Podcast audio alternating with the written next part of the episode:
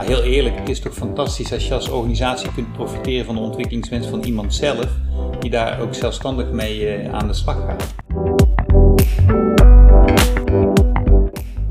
Heel hartelijk welkom bij de podcastserie van het Leiderschapscentrum van Onderwijs Maak Je Samen. Deze podcastserie heet Borrelend Leiderschap. En we hopen met de onderwerpen je te inspireren, aan te zetten tot reflectie, het doen van zelfonderzoek, professionele verwarring, inspiratie haal eruit wat je nodig hebt voor je eigen leiderschapsontwikkeling. Mijn naam is Margje Wielars, ik ben kerndocent bij het leiderschapsteam van Maak Je Samen. En mijn naam is Brigitte van Rossum, ik ben ook kerndocent in de schoolleidersopleidingen en herregistratiemodules. En wij wensen jullie heel veel plezier met onze borrelende leiderschapspodcasts. Hey Margje, tijd voor een nieuwe podcast. Jazeker, en zo te zien hebben we een gast. Ja, een heb gast. eh, ik heb Henk van der Pas uitgenodigd. Henk, ik heb jou ooit een keertje ontmoet in, eh, en je moet jezelf straks maar eh, even wat verder voorstellen. Is een keer in een, een ontmoetingsruimte waarvan je dacht van, was je nog directeur volgens mij van een school. En je dacht, laat ik nou eens alle directeuren verbinden die ook iets hebben met ondernemerschap. Een zaaltje in Rosmalen. Ja, dat was de eerste ontmoeting. En dat was voor mij ook eigenlijk een van de eerste keren dat ik dacht, oh ja, ondernemerschap, ondernemendheid in het onderwijs. Ik werkte toen bij een stichting, eh, Signum. Slogan van die stichting was ondernemend in onderwijs. Maar ik was mezelf nog heel erg aan het eh, vormen in wat is dan ondernemen in onderwijs.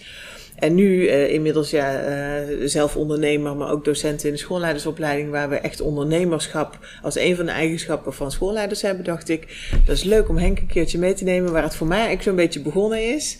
Het vlammetje aansteken om met jou eens over ondernemerschap te hebben. Wat leuk. Ja, dankjewel dat je me wil hebben. Ja, want je werkt niet als ondernemer. Nee, nee, ja, gedeeltelijk. Oké. Maar eh, ehm, eh, ondernemerschap in het perspectief van een onderwijsorganisatie. Ik ben directeur-bestuurder van Stichting Scala. Ja. Ehm, een middelgrote onderwijsstichting. En eh, bij ons is het inmiddels al eh, wat uit de kluiten gewassen, want we hebben zelfs een nevenstichting waarbij we mensen de gelegenheid bieden om te ondernemen. Mensen die in dienst zijn bij ons. Oké. Ik vind het zo'n krachtig instrument om mensen in ontwikkeling te brengen. En het wordt ook goed eh, eh, gezien en het, wordt ook goed aange, eh, het is ook goed aangeslagen. Om mensen die eigenlijk het gevoel hebben dat ze nog wat extra's willen, maar toch ook wel zich senang voelen in het onderwijs waar ze werken. En waar we ook echt heel zuinig op moeten zijn dat ze vooral in het onderwijs blijven werken. Ja, precies. Dus het is ook een manier van inderdaad mensen geboeid houden. Ja. Terwijl ze het, ja, een mooi vak aan het uitoefenen zijn, maar ook nog andere aspiraties hebben. Nou, heel eerlijk, het is toch fantastisch als je als organisatie kunt profiteren van de ontwikkelingswens van iemand zelf, die daar ook zelfstandig mee eh, aan de slag gaat. Maar zie ik dat dan als iemand heeft een RT-praktijk naast een eh, zoiets? Of wat, Dat, wat- dat zou kunnen, maar dat is meteen ook een formele organisatievorm. Ik heb heel veel mensen in mijn organisatie die hebben extra opleidingen gevolgd, mensen met expertise op eh, eh, allerlei gebieden, die helemaal niet eh, zitten te wachten op een kindercoachpraktijk of een RT-praktijk en heel, heel erg gelukkig zijn in het werk wat ze verrichten. Die brengen ook heel veel expertise in de school in. En nou, ik vond het nou zo leuk om die mensen de gelegenheid te bieden om vanuit hun loondienstverband toch binnen de organisatie, want je kunt een collega binnen het bestuur inhuren eh, als collega school, waardoor je de vervanging bijvoorbeeld bekostigt voor de andere school waar de collega vandaan komt. Maar ook buiten de organisatie kunnen deze mensen ingehuurd worden en dan zorgen wij voor de administratieve afhandeling. Dus ik zie het dan bijvoorbeeld voor me dat Brigitte is school A en ik ben school B. Ja. Brigitte heeft een collega die is gedragsspecialist. En ik wil graag een, school, een trainingsdag, een eh, scholingsdag, studiedag. En dan huur ik de collega van Brigitte in. Ja. En dat, dat heb jij binnen Scala georganiseerd. Ja. Ja, als een stukje dan, hè? want ik hoor je Ja. net ook zeggen dat het dus ook naar buiten toe eh, Ja, zou kunnen. zeker. Wij hebben bijvoorbeeld bij Scala gebruiken wij een assessment tool om eh, natuurlijk potentieel in kaart te brengen. Dus waar mensen eh, volledig in hun kracht staan. Dat is een heel in- gemakkelijk instrument om te gebruiken, maar daar hebben wij fors in geïnvesteerd. Daar zijn zo'n twintig mensen ook opgeleid om die eh, tool te gebruiken en te interpreteren. En op een gegeven moment zijn alle medewerkers van Scala zijn, ja, door die molen heen gegaan eigenlijk. Maar ik heb nog steeds die expertise in huis. En in het onderhouden van zaken is dat nog steeds gewenst en in de ontwikkeling van zaken ook. Maar die mensen vinden het ook leuk om assessments af te nemen bij anderen. Bij anderen, ja. ja. En dat, dat, die gelegenheid hebben ze. Ze kunnen gewoon, als ze iemand hebben die graag gemeten wil worden en een gesprek, kunnen ze melden bij eh, de dienstenstichting van onze organisatie. En eh, dan kunnen ze eh, hun job doen. En op het moment dat zij, dan, dan zeggen zij tegen de dienstenstichting, god ik eh, ben hier drie uur mee bezig. Dan zorgen wij voor de offerte en de factuur. voor de betaling. En de persoon die zeg maar, van onze organisatie dit heeft uitgevoerd, krijgt dan extra uren uitbetaald. Echt interessant. Ja, dan? ja, dat vind ik ook. Dit is Ik heb op een gegeven moment ook wel eens een keer een, project ook met eh, eh, de PABO. En er werd ook gewoon eh, mensen de gelegenheid geboden. Bijvoorbeeld voor het ontwikkelen van onderwijsmateriaal of, of dat soort dingen. Wat, wat zit er allemaal voor een soort ondernemende vaardigheden eh, in die groep bij jullie? In de, in de leerkrachtengroep bij Ja, ons. ja. Ja, er is heel veel expertise. Mensen die echt zich heel erg verdiept hebben in, in materie en in hun school een specifieke rol vervullen. Maar daar stopt het. En je ziet dat er iets gebeurt bij mensen als die expertise ten eerste erkend wordt. En ten tweede ook eh, gebruikt wordt op een andere plek. En dat ze daar eh, die expertise mogen ventileren. En ik vind het prachtig, want eh, wat ik uit mijn eigen ervaring weet is dat ik een, stel dat ik een adviesklus ergens verricht op een andere plek, leer ik daar altijd heel veel van. Wat van toegevoegde waarde is binnen mijn eigen organisatie. Heel simpel voorbeeld. Ik ben bestuurder van een middelgrote onderwijsorganisatie. En ik heb één dag in de week, tot voor kort, heb ik de bestuurlijke rol vervuld van een eenpitter. Ik ben enorm verwend in mijn organisatie, want alles wordt gedaan voor mij. Daar moest ik alles zelf. Dat geeft veel meer inzicht in wat er nou precies in mijn eigen organisatie uitgevoerd wordt, voordat ik zeg maar in stelling gebracht word, terwijl ik het daar zelf moet doen. Dat is heel verrijkend. En het grappige nu is, nu doe ik het niet meer, maar ik heb wel één directeur bij mij in de organisatie die ambitieus is, die het leuk vindt om door te ontwikkelen, nog niet bestuurder wil zijn, maar daar nu wel de bestuurlijke rol vervult en daar heel veel ervaring op doet. En dat vind ik ondernemend. Dat vind ik ondernemerschap. Ja, en dus echt de kansen zien, de mogelijkheden Ja. zien. eh, mensen vervolgens inderdaad ook die mogelijkheden bieden. Ja. Hey, en hoe moet ik me dat dan zien nu in tijden van lerarentekort? Ja. Je, bent, eh, je loopt het risico dat je zomaar een halve stichting eh, kwijt bent aan allerlei andere collega's om je heen. Ja, dat, dat valt Nee, mee ik overdrijf natuurlijk, hè? Mensen, Ja. mensen willen hun eigen werk ook graag goed doen, dus het is maar een geringe hoeveelheid tijd die ze eraan besteden. Ik denk dat het een drempelverhogende werking heeft om weg te gaan en voor jezelf te beginnen. Ja. Omdat die gelegenheid er gewoon is binnen je huidige werk. En mensen binden zich aan een team waar ze werken. Dus zittend personeel, als je die goed verzorgt en goed eh, de gelegenheid biedt om in ontwikkeling te komen. En je kunt natuurlijk niet iedereen tevreden stellen. Maar ik denk wel dat de eerste inzet van een schoolbestuurder moet zijn in deze tijd, is dat je vooral je personeel houdt. En dat, dat gaat ook zijn, zijn toegevoegde waarde bewijzen. Want als mensen tevreden zijn in jouw eigen organisatie en ontwikkelkansen krijgen en de vrijheid om te ondernemen, trekt dat ook nieuwe medewerkers aan. En ja, vaak hoeft dat ook niet, hè, de, hele, de hele week of het grootste deel van de week. En mensen zitten zeker niet te wachten op facturen te moeten maken of Nee. acquisitie te moeten Nee. doen of dat soort dingen. Loonbelasting, dat ja, soort zaken. precies. Maar bij gelegenheid eh, hun expertise in kunnen zetten Ja. en dat dan vrij makkelijk kunnen regelen. Ja, Kan ik als, eh, als, als ik bij jou werk ook dan zeggen, ik ben voor de helft in dienst. En voor de helft, wat ik net zeg, ik heb mijn eigen RT-praktijk. Mag dat ook bij jou? Of, eh, of is het alleen via het dienstencentrum? Nee, wat, wat eh, eh, wij voorzien in een faciliteit waarbij je vanuit een dienstverband extra inzet bekostigd krijgt. Als je ook een RT-praktijk hebt, dan is het eigenlijk dubbelop. Maar als jij voor de helft bij ons in dienst bent en je hebt voor de helft een RT-praktijk en je kunt jouw expertise in de eigen organisatie op die manier eh, ook toepassen, dan kan dat via de dienststichting, dan hoef je jouw RT-praktijk niet in te huren.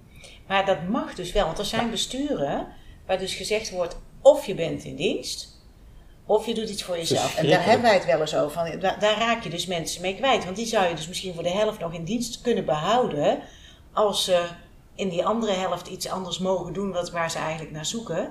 Dus stel dat iemand zou zeggen, ik wil nog iets voor mezelf, dan zou dat bij jou mogen. dan ben je niet weg, dan ben je niet kwijt. Nee, die dienststichting is een voorziening voor mensen die dat niet willen. Mensen die dat wel winnen, willen, zeg maar, dus een combinatie van werken binnen de organisatie en iets voor jezelf, is iets wat we enorm toejuichen. Ik snap dat ook niet, die rigide houding dat dat gescheiden moet zijn. Ik ga zelfs zover dat als iemand een kindercoachpraktijk heeft, is de enige restrictie dat het niet te maken heeft met kinderen van jouw eigen school. Dat mag wel in het bestuur. Mag wel binnen het bestuur. Dit is wel echt dit is wel grappig als je dan hebt over visiegestuurd werken. Dit is een visie op ondernemerschap en ondernemend zijn. Ja, En je ziet dus dat daar veel verschil in besturen zit. Want bij het ene bestuur is het echt, echt niet mogelijk. En staat het zelfs ook in contracten dat je niks naast in dienst mag zijn. En jij zegt heel expliciet, ik kies voor wakker het ondernemerschap aan. en wat is het risico wat je loopt? Ja, en daar- volgens mij heb je er alleen maar meer bijvangst van. Zeker, Ja. zeker. Je Want een ondernemend iemand, eh, dat is een bepaald soort houding, waardoor je ook weer kansen, mogelijkheden, oplossingen ziet daar waar het eigenlijk helemaal vastgedacht kan zitten. Ja, Ik- Een heel simpel voorbeeld. Ik heb iemand in mijn organisatie die verantwoordelijk is voor personeel. En die heeft een eigen onderneming, één dag in de week, op functiewaardering.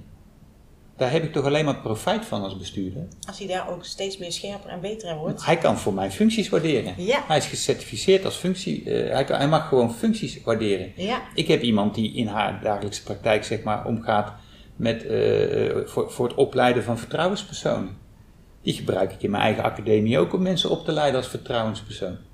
Is alleen maar een win-win situatie. Mensen zijn blij, kunnen hun ei kwijt, ontwikkelen zich. En wat is er nou mis eh, aan het eh, profiteren van de ontwikkeling van je medewerkers? maar dan laat jij net even heel, heel snel in, in de zin vallen academie. Heeft Ja. Scala ook nog een eigen academie? Ja, waarbij we met name ook, ook mensen van onze eigen organisatie zouden we het liefst daarvoor inzetten. Ja, mooi. Eh, die die eh, eh, cursussen eh, verzorgen. Maar we zien ook wel dat het cursussysteem een beetje eh, achteruit holt in interesse. Mensen willen op een andere manier leren. Dus we zijn wel aan het kijken hoe die academie omgevormd moet gaan worden.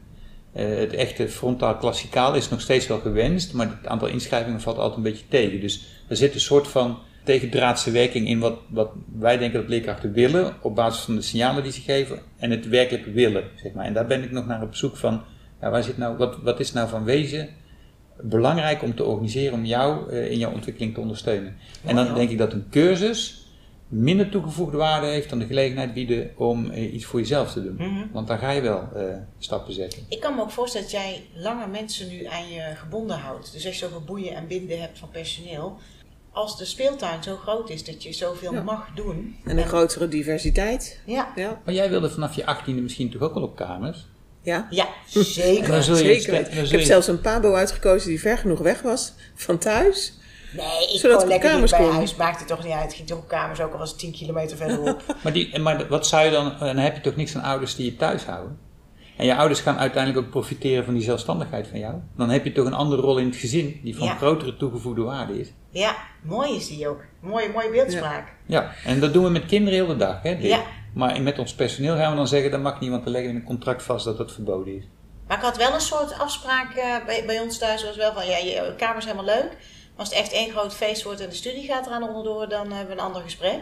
Ja, maar dat zijn de grenzen. Ja. Maar dat, dat is bij ons ook. Als jij gaat ondernemen is leuk, maar als je je eigen werk verkwanselt, dan hebben we een gesprek. Ja, En als jij zeg maar klanten eh, gaat werven tijdens een zorggesprek met ouders, iedereen snapt dat ze dat niet moeten doen. Daar ben ik niet bang voor dat Nee. ze dat gaan doen. Dat doen ze ook echt niet. maar dan praat je Wat, over wat de, de vraagt het van, eh, Ja. ja. van, van de leiders, eh, niet alleen maar van jou, hè, maar van, van leiderschap in je stichting, om deze ondernemendheid constant aan te blijven zetten. Dat is een van onze kernwaarden. Ja, die heb je ook echt opgenomen Ja. in de kernwaarden. Al, al eh, acht jaar is die kernwaarde bij ons. Maar, maar en hoe doe je dat dan? Hoe zie je, hoe zie je Ja, dat ik probeer eigenlijk het beeld heel even te laden. eh, want, want wij hebben, zou ik maar zeggen, ook al als competentie in de, in de schoolleidersopleiding kijken we heel erg naar eh, ondernemendheid in ieder geval van een directeur. Of nog niet per se ondernemerschap te zijn. Eh, maar mensen vinden het heel moeilijk om daar dan een beeld bij te hebben. En die denken bij ondernemerschap, oh dan, ja, dan moet ik inderdaad een product gaan verkopen of zo. Ja. Of, eh, Maar dat, is- dat, is, eh, dat is ook ondernemerschap. Alleen niet zo logisch in een schoolorganisatie. Eh, maar als jij een handel erop nahoudt binnen je schoolorganisatie. Ik heb wel eens gezien dat, eh, dat directeuren eh, schilderijen van kleuters verkopen. Dat kan. Dat is tegenwoordig een beetje lastiger vanwege de betalingsverkeren die, die wat beter gemonitord moeten worden. Maar ondernemerschap is ook ondernemend zijn in je eigen ontwikkeling. Dingen doen die je niet durft. Eh, en daar zeg maar over de grens gaat om het wel te doen. dat lef, hè. Dat Moed. lef. Maar, maar hoe stimuleer Feel je the dat? fear and do it anyway. voordoen en eh, mensen eh, enthousiasmeren en vooral ook zeg maar dingen laten proberen ook als het verkeerd kan gaan. Dit soort acties als een dienstenstichting. Eh, kom maar op jongens. En gewoon toestaan als mensen naast hun eigen werk ook iets erbij willen doen. En ja, je verliest er wel eens een paar. Die dan uiteindelijk 100% voor de eigen Zie je dan grote verschillen in de scholen waarvan je zegt, nou, daar zie ik echt een heel ondernemende directeur. En daar zit dus ook heel veel ondernemerschap bij mijn leerkrachten. Of Ehm, zie je niet zo per se een bepaalde trend? Jawel, er is wel verschil, maar het ligt ook een beetje aan de omstandigheden waar scholen moeten werken. Eh, sommigen hebben echt een handen vol met bijvoorbeeld problematiek vanuit de omgeving. En anderen die zijn wat minder belast met dat soort zaken en kunnen dan ook meer met dit soort zaken bezig zijn. Maar ook in een organisatie waar veel problematiek uit de directe omgeving is, zie je dat er ondernemerschap getoond wordt in het actief benaderen van de gemeente of de wijk of, eh, of een bewoner van de wijk om te zorgen dat de rust in de wijk gewoon wel eh, blijft behouden. Precies, ondernemendheid heeft toch iets proactiefs. Hè? Ja, zeker. Ja, ja. Ja. Of iets preventiefs. Ja. Ja. Het is echt niet passief zijn, gewoon neem regie in handen. Ja. Doe dingen, probeer dingen en, en ook al gaat het een keer mis. En, En, en leer ervan. Leer ervan, ja. En jij zei het net, herhaal hem nog eens. Feel the fear. Oh, eh, bij ondernemerschap moet. Ik zei feel the fear and do it anyway. Ja. dus het heeft altijd zo'n moment van dat je eh, op het drempeltje van de hoge duikplank staat en denkt... "Ah, dit is toch eigenlijk wel heel erg hoog, maar Ik, spring toch en dan Ja. lig je erin en dan denk je, oh, dit was gaaf. En trots dat je op jezelf bent, Ja, dat je het geprobeerd hebt. ja, dat. En als je Mooi. plat valt, weet je dat je het nooit meer moet doen. Ja, pijnlijk niet meer. Of in ieder, geval, in ieder geval dat je het anders moet En die doen. trekt weg, hè, die pijn. Ja. Uiteindelijk. Is ook. Ja. Mooi. Dankjewel Henk voor eh, je gesprek Dankjewel. over ondernemerschap. Ja, graag gedaan.